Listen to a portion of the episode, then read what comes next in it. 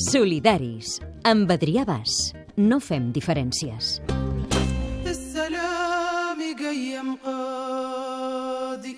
Set de cada deu sol·licituds d'asil tramitades a l'estat espanyol són denegades i el temps d'espera de resolució dels expedients està entre 2 i 4 anys.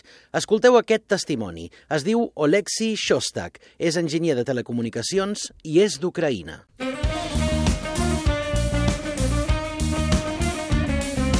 Ucraïna és el segon origen en nombre de sol·licituds d'asil a l'estat espanyol. Hem parlat amb Oleski Shostag, té 32 anys i viu a Mataró. Treballava en una fàbrica de matalassos a Ucraïna i ens comenta que per culpa del silenci mediàtic no era conscient de que el seu país estava en guerra fins que un dia va caure una bomba al costat de la fàbrica on treballava i aleshores va decidir marxar. En Ucrania de 2014 más o menos comenzó una guerra. Dicen guerra civil, yo creo que es- no, no es guerra civil, pero es pregunta muy difícil.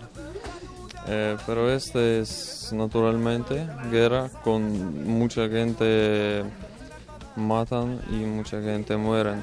Alguien, mis amigos también, un amigo eh, que trabajaba conmigo antes en eh, Ucrania va a guerra y ahora eh, murió, sí. Al febrer de 2015 va arribar a Sevilla amb la seva dona i les seves dues filles i van viure un any i mig en un centre especial per a refugiats. En este centro tenemos todo para, para nuestra vida. Tenemos clase de español. Estudiamos español cada día, dos horas y después tres horas. Y después eh, vamos a Barcelona porque queríamos vivir un poco más cerca de nuestra familia. Mi herma- eh, mujer tiene un, eh, su hermana en Cataluña. Però com viuen ara els que no han volgut o no han pogut marxar d'Ucraïna?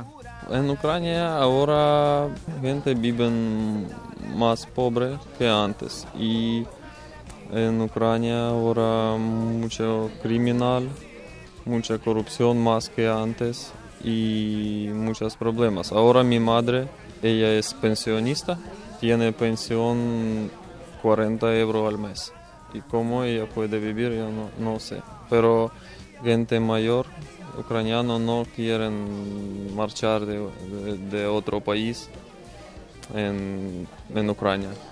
Oleski vol portar els seus pares a Mataró, però ells no volen deixar Ucraïna.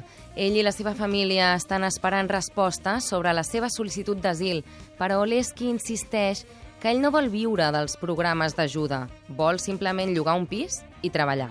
Sí, sí, ahora estamos esperando a res- de respuesta en ministerio, pero yo tengo y mi mujer también tenemos eh, permiso de trabajo y podemos trabajar aquí en España con contrato y estoy buscando trabajo y estoy buscando piso aquí y quer- queríamos vivir normal como, como gente aquí en España.